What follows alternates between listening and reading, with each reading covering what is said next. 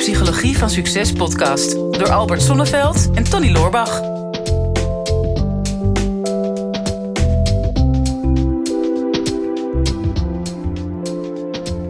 Nou, Tony, een onderwerp wat we vandaag gaan behandelen is iets waarvan ik niet snap dat we dat al niet eerder hebben gedaan. Want dat komt zo vaak voor. En uh, ja, het gaat over de angst voor afwijzing. Ja, durfde gewoon het antwoord niet te geven. Nee, nee, ik... Hij staat al heel lang op het lijstje. Ja, maar ja, je was er een beetje bang voor. En jij niet alleen, hè? Lorenzo volgens mij ook. Ja, ja, die heeft ons letterlijk die vraag gestuurd. Hoe kom je af van de angst voor afwijzing? Ja, ja dat zit diep. Uh, angst voor afwijzing. Nou, ik ben er natuurlijk wat te ingedoken. Want ja, het laatste wil ik natuurlijk dat ik straks een podcast geef uh, samen met jou die niemand waardeert. Want dat, dat, is het laatste wat je wil. Ja, ik had eerst Lorenzo terug willen mailen met dat ik het een slechte vraag vond. ja. Geintje. Ja, oh, nog erger. Nee, nee, nee, nee, dat moet je niet doen. Nee. Maar als je kijkt fysiologisch in het brein, en want het is per slotverrekening de psychologie voor succes, dan blijkt die angst voor afwijzing, die pijn die dat veroorzaakt van afgewezen worden, net uit diezelfde gebieden van je brein te komen als ook werkelijk fysieke pijn. Dus ja, als je, weet ik veel wat, op je vinger slaat of uh, je brandt jezelf of zo, dan wordt natuurlijk bepaalde delen in je brein die worden dan geactiveerd. En dat, dat voelt dan als pijn. Iedereen kent dat gevoel wel van pijn. Maar dat die pijn voor afwijzing uit diezelfde gebieden komt, dat vond ik al wel fascinerend. Ja. En het laatste wat we willen is pijn. Dus we doen ook heel veel om pijn te vermijden. Mm-hmm. Maar ja, dan krijg je bijna het tegenovergestelde. Als je de pijn van afwijzing wil voorkomen, dan trek je vaak het tegenovergestelde aan als wat je graag wil hebben. Met als resultaat dat je wordt afgewezen. Ja, klopt. Dus je komt er ook niet vanaf. niet in die zin. We gaan wel tips geven hoor. Dus luisteraars nu of kijkers gaan afhaken. Denk nou ja, als er, als er toch alleen maar het antwoord is, je moet ermee leren leven, dan is dat zeker niet het geval. Dus we Oh ja. geven zeker ook nog wel wat tips. Ja. Dus stay tuned. Maar eerst even je eigen leven, Tony. Eh, ben je wel eens afgewezen? Ja. Ja, Ja. ja Maar ik ook. Maar dat is iets anders nog dan de angst voor. dat is een heel ander verhaal. Ja, ja, ik, ja, ik ben wel afgewezen in mijn leven. Ik moet zeggen dat ik er zelf ook wel. Ik weet niet of ik er helemaal van genezen ben. Hmm. Maar ik heb een heel groot gedeelte van mijn leven, denk ik, sinds mijn puberteit wel heel erg die angst gehad. ja, Angst om afgewezen te worden. Ik denk ook niet dat ik daar al helemaal overheen ben gekomen. Maar het is nu, ik heb nu niet zo'n last meer van, heb ik het idee. Maar die, ik weet wel hoe, hoe moeilijk dat is, ja. Ja, dat, dat, dat, dat doet wel fysiek pijn, ja. ja. Ja. Ja, want het komt op zoveel gebieden voor ook, je angst voor afwijzing. Hè? Want je kunt natuurlijk afgewezen worden in een relatie. Dat is natuurlijk wat heel veel mensen herkennen. Maar ook zo'n pijnlijke vorm van afwijzing is... dat er wordt een feestje georganiseerd door je vrienden... en jij wordt niet uitgenodigd. Ja, Oeh, dat doet ook pijn. Of je, je werkt al jarenlang bij een bedrijf... en je weet zeker dat je die promotie gaat krijgen. En in die end gaat je collega er vandoor. Oh, dat is ook zo'n pijnlijke vorm van afwijzing. ja, Ja, en en ja, dat, dat gebeurt dus eigenlijk continu. We hebben nog eh, ja, eh, ingeruild worden voor een ander. Moet je je voorstellen dat je, nou, je hebt een relatie, je denkt oh, alles is koek en ei. En vervolgens belt zij of hij op of nou, in een persoonlijk gesprek. Ja, ik moet je even iets vertellen, schat. Ik heb iemand gevonden die leuker is dan jij. Ja. Oeh, dat doet zeer, hè? Ik ga daar maar eens overheen eh, komen dan. ja. Oké, laat dit grapje even liggen. ja. Nou ja, maar kijk, weet je, als, op het moment dat je afgewezen wordt, ehm, dat, dat, is, dat is natuurlijk pijnlijk. Ehm, maar gewoon überhaupt niet afgewezen worden, maar bang zijn om afgewezen te worden, is, is gewoon vaak net zo pijnlijk. Hè? Ja. Dus gewoon, het is gewoon letterlijk dat, dat wat je bestrijdt, dat wordt eigenlijk erger. Hmm. Eh, dus als je heel erg veel bezig bent met ik wil niet afgewezen worden, dan, dan wordt dat gevoel versterkt, waardoor het nog pijnlijker wordt.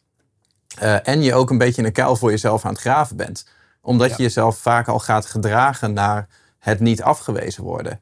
Hè, en ik denk, het eerste waar ik aan denk, hè, als ik zo'n onderwerp lees, nou afwijzing, ik denk dan meteen in, in relaties. Hè, dat is de meest bekende vorm van durf je op iemand af te stappen in een bar en, eh, en iemand te verleiden of te versieren, of word je afgewezen. Ehm, en ik denk dat de meeste mensen ook dit in hun leven wel ervaren, omdat ze een, een ervaring hebben gehad waar ze bijvoorbeeld afgewezen zijn. Hè? Dus bijvoorbeeld, ehm, ik had dat bijvoorbeeld met mijn eerste vriendinnetje op mijn, eh, op mijn zestiende. Was echt een eh, fantastische relatie van acht weken. en ik zat, er, uh, ik zat er helemaal in. Dus ik was helemaal hartstikke verliefd. En ik dacht, zij ook. En na acht weken had zij zoiets van, nou, uh, voelt toch, het voelt toch niet zo. En dat, dat heeft mij toen best wel hard geraakt. Wat ik ook echt gewoon jaren mee heb genomen in alle andere contacten en dates met vrouwen. Dat ik daar echt een overtuiging uit had gehaald van, nou, ik ben blijkbaar nog niet goed genoeg. Ja. Hè? Of ik ben iemand die verlaten wordt. Dus um, ik heb daar rekening mee gehouden in, in andere dates. En ik denk dat heel veel mensen zich wel bewust zijn van dat soort dingetjes in je leven. Van, oh ja, toen ben ik ooit afgewezen of toen ben ik verlaten, dus daar ben ik nu dan bang voor. Hmm. Maar dat je vaak niet bewust bent van alle andere fronten in je leven waar je ook bang bent voor afwijzing. Ja. Wat al in een veel eerder stadium is, is ontstaan, maar waarvan je eigenlijk niet eens in de gaten hebt dat jouw karakter gevormd is om afwijzing te voorkomen op andere fronten dan de liefde. Ja. Nou, het eerste wat er al sowieso van belang is, denk ik, om dat te benoemen, is je wordt afgewezen, hoe dan ook. Mhm. Je, je ontkomt er niet aan. Uh, want um, alles uiteindelijk in het leven heeft een verbinding en er is uiteindelijk ook weer een afronding van die verbinding. Uh, en dat maakt niet uit hè, of je nou, hè, je wordt geboren, je zit lekker in de, in de baarmoeder, lekker warm en je wordt zacht gewiegd en er komt mooi zachter uh, roze diffuus licht komt er naar binnen. En je denkt, oh, dit is hemel. Nou ja, totdat je door dat geboortekanaal uh, gaat. Eh, Stanislav Grof, een Russische psychiater, zegt dat is echt, ja, dat lijkt op, op, op leven en sterven. Dat, dat, dat is een heel heftig proces. Nou, dan kom je eruit. Oh ja, ja, ze noemen dat in de psychologie vaak ook het, het grote trauma, toch? Ja, de geboorte. Het, ja, het geboortetrauma. Ja. Nou ja, en dan vervolgens wordt die navelstreng doorgeknipt. Ja, dat is eigenlijk al de eerste afwijzing. Weet je wel, hey, uh, eerst waren we samen en nu ben ik dus een soort van alleen. Oh. En je moet zelf gaan ademen. Ik moest zelf mijn eigen navelstreng doorknippen. Mijn vader had zoiets van, ja, jij moet zo nodig op jezelf. Dan, ja. Dan doet. Nee, ja. ja, je hebt iets met knippen volgens mij. en, en, vervolgens, ja, met een beetje geluk krijg je borstvoeding. Ja, maar er komt een moment dat ja, dat, dat klaar is. En, en dan, dat is alweer de volgende afwijzing. En zo ga je maar door. En dan kom je in de peuterspeelzaal en dan, dan zie je die, die, die arme kindjes met hun neusje zo tegen het glas gedrukt als moeder of vader dan eh, het schoolplein verlaat. En ja, dat, dat voelt ook weer als een, een afscheiding. En en zo blijf je steeds maar verbinden en weer loslaten, verbinden en loslaten. Terwijl heel diep in ons primitieve brein uh, weten we dat uh, ja, je alleen maar kunt overleven door dingen samen te doen. En dat, dat zit er nog zo in. Uh, ja, we zijn zoogdieren en we, kunnen ons, we hebben geen natuurlijke wapens. Hè, nou, een neushoorn heeft nog een flinke hoorn of nou ja, en een ander dier heeft uh, bijvoorbeeld uh, slagtanden of hoeven of iets of een schild waarmee die zich kan beschermen. Wij zijn natuurlijk als mens, als zoogdier, redelijk kwetsbaar. Ja, je kunt een keer iemand in zijn oor bijten, maar daar houdt het ongeveer mee op. Ja, en vanuit die kwetsbaarheid zijn we steun gaan zoeken bij elkaar. En dat zit er zo diep in van ik heb de ander nodig om te kunnen overleven. Ook al is in deze maatschappij niet fysiologisch gezien niet echt meer noodzakelijk. Maar ja, emotioneel in ieder geval wel. Uh, en, en dat hele proces van steeds weer verbinden en steeds weer moeten loslaten, ja, dat zit zo diep geworteld in ons dat we heel sterk de neiging hebben om gericht te zijn op die ander. Mhm. Van als ik nou maar bij jou ben, of als ik nou maar die baan heb, of als ik nou maar die financiële zekerheid heb, ja, dan ben ik veilig. Mhm. dus, dus veiligheid, je kunt zeggen de angst voor afwijzing. Wat eronder zit is steeds de vraag: ben ik in deze situatie wel veilig genoeg? Hm. Ja, en veilig gezien, of veilig in de zin van, hè, word ik wel geaccepteerd door de groep? Ja. Hè, dus krijg ik externe goedkeuring ja. op wat ik doe. Dat, dat is denk ik een beetje wat er in de basis onder ligt. Van, uh, afgezien van of jij jezelf goedkeuring geeft, dan krijg jij goedkeuring van een ander. Hm. Ik denk als jij uh, babytje bent, dan heb je dat nog helemaal niet. Ben je helemaal niet bezig met goedkeuring. Sowieso krijg je van alles en iedereen goedkeuring. Maakt niet uit wat je doet. als je eh, de hele, hele keuken onder, onderkliedert, dan staan mensen erbij te lachen en te applaudisseren. Van, oh, wat schattig is dat. En dan op een gegeven moment komt er een keer een punt dat je voor het eerst gecorrigeerd gaat worden. Mhm. dat, je, dat je misschien niet meer alle aandacht krijgt. Hè? Of, uh, of dat mensen niet meer om je lachen. Of zeggen van dat is niet de bedoeling. En daar begint denk ik het proces van het zoeken naar nieuwe goedkeuring. En ik denk dat je in je hele leven. Ik vind het wel fijn om te denken, je bent een beetje een optelsom van al je ervaringen. Maar alle ervaringen die je in je leven hebt gehad, daar heb je op dat moment ook een soort van conclusie aan verbonden of een soort van overtuiging meegekregen. Dus bijvoorbeeld, uh, je hebt het gasfornuis aangeraakt. Nou, het gasfornuis is heet. Hè? Ervaring, overtuiging. En, en die overtuiging die klopt. Dat is objectief juist. Het gasfornuis is inderdaad heet. Uh, als die aanstaat. Hè? Hmm. Maar het kan zijn dat die gaat mixen. Dat je denkt van nou, ik durf nooit van mijn leven meer bij een gasfornuis in de buurt te komen. Ook als die uitstaat. Want een gasfornuis is heet. Ja. Dan betekent het dat je de verkeerde overtuiging hebt verbonden aan, aan die ervaring. Hmm. En op het moment dat jouw eerste vriendinnetje het na acht weken uitmaakt, dat is een ervaring. En er kunnen heel veel overtuigingen aan zitten. Ja, alle vrouwen zijn heksen. Ja, of vrouwen zijn niet te vertrouwen. Ja. En, en, en die is dan... alle mannen zijn klootzakken. Precies. En er zitten inderdaad kloppende overtuigingen maar ook niet kloppende. Hè? En overtuigingen van, oké, zoals ik mij heb opgesteld in deze relatie, dat was niet goed genoeg. Hm. En dan trek je een conclusie die misschien helemaal niet kloppend is. Want je, je wijst jezelf af op iets anders dan waar zij jou misschien op heeft afgewezen. En dat neem je mee. En ik denk dat je je hele leven in alle ervaringen die je hebt, ehm, constant een overtuiging meeneemt van oké, ik heb dit ervaren, dit is mijn les eruit en nu ga ik een strategie ontwikkelen om daar mee om te gaan. Dus om uh, de pijn te gaan vermijden. Dus hoe kan ik ervoor zorgen dat als ik in een situatie kom waar ik word afgewezen, dat ik ofwel vlucht uit die situatie, uh, of dat ik misschien mezelf al afwijs voordat iemand anders me kan afwijzen. Want ja, dan haal ik ze maar de wapens uit, uh, uit handen. Of hoe kan ik mezelf zo gedragen dat ik niet in een positie kom waar ik afgewezen word. Mm.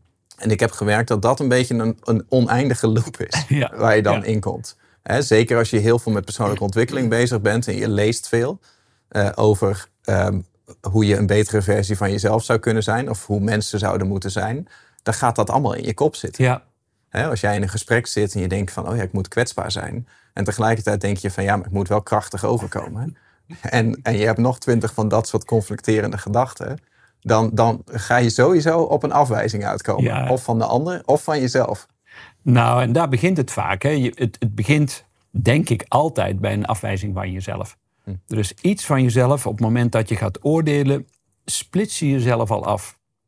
Want dan is er ik en de ander. Of ik ten opzichte van mijn omgeving.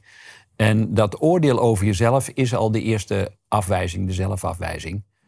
En dat doet al pijn. En dat probeer je dan te compenseren door maar extra je best te doen of te pleasen te zijn. Of uh, ja, mensen op allerlei andere manieren naar de zin te maken. Maar dat is kansloos zolang als je jezelf blijft afwijzen. Dus de eerste vraag bij angst voor afwijzing is: wat wijs ik nog van mezelf af?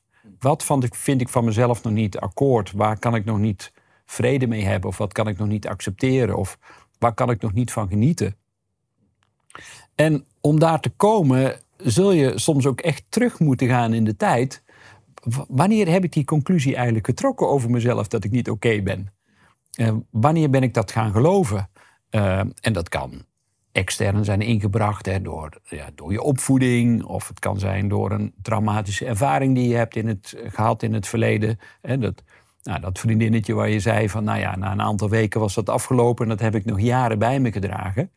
En dat is natuurlijk heel jammer dat je op dat moment, je was 16, zei je? Ja, op dat moment niemand naast je had staan die de, ja, de ervaring in de juiste proporties kon zetten. Hè? Van zeggen van ja, we hebben allemaal een kalverliefde die uiteindelijk in veel gevallen dan uh, eindigt, of een vakantieliefde. Um, ja, mijn moeder probeerde dat heel liefdevol te doen door te zeggen: Ach, Albert, geen handvol, maar een landvol. ik kon ze wel slaan op dat moment. En ik, ja, ja dat wil ik helemaal niet. Ik wil helemaal niet iemand anders. Ik wil helemaal niemand anders. Uh, dus ja, een bepaalde vorm van relativering helpt niet. Maar wat, wat niet gebeurde, wat ik op dat moment nodig had, is gewoon even vastgehouden worden. Even, ja, troost, nabijheid, liefde. Dat ik dat niet direct van mijn vriendinnetje meer kon krijgen, maar wel van mijn moeder of van mijn ouders. Dat was wat ik op dat moment nodig had. En dan, dan was dat instant geheeld. Dan, dan, dan had ik de goedkeuring van ja, oké, één deel van mezelf ben ik mislukt, maar er zijn nog heel veel andere delen van mezelf die nog wel intact zijn. En het allerbelangrijkste, dat warme nest, dat hou ik toch wel, wat er gebeurt in die buitenwereld. Nou, dat, dat heb ik toen niet gevoeld en daardoor is dat ook heel lang bijgebleven. Hè, van, ja, mijn conclusie in, in mijn leven was, hè, omdat mijn ouders al heel jong zijn overleden, van ja, de mensen waar ik echt van hou, die, die kunnen zomaar in één keer uit mijn leven stappen. En en dat, die ervaring die heeft me in, in volgende relaties uh, heel alert gemaakt. Zo van ja, durf ik wel echt van jou te houden? Want het zou zomaar kunnen zijn, net als mijn vorige ervaringen, dat die zomaar uit mijn leven zijn. Dus om me echt te geven in een relatie, dat duurt best wel lang. En zelfs dat ik de neiging had vanuit die angst voor afwijzing, nou ja, ik kan er maar beter zelf uitstappen of ik kan maar beter een plan B hebben, dan ben ik in ieder geval veilig. Ja. Ehm, en, en daardoor vond ik het heel lastig om mezelf volledig te geven in een relatie. Ja. En pas toen ik veel meer ben gaan kijken, maar wat, was nou de werkelijke pijn die ik heb meegemaakt in mijn jeugd?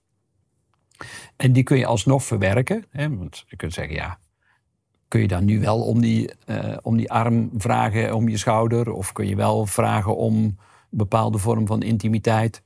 Nou, dat kan, maar misschien niet meer van die mensen die toen uh, aanwezig waren. Maar in feite kan dat nog steeds. Hè? Dat is een van de manieren om om te gaan met angst voor afwijzing.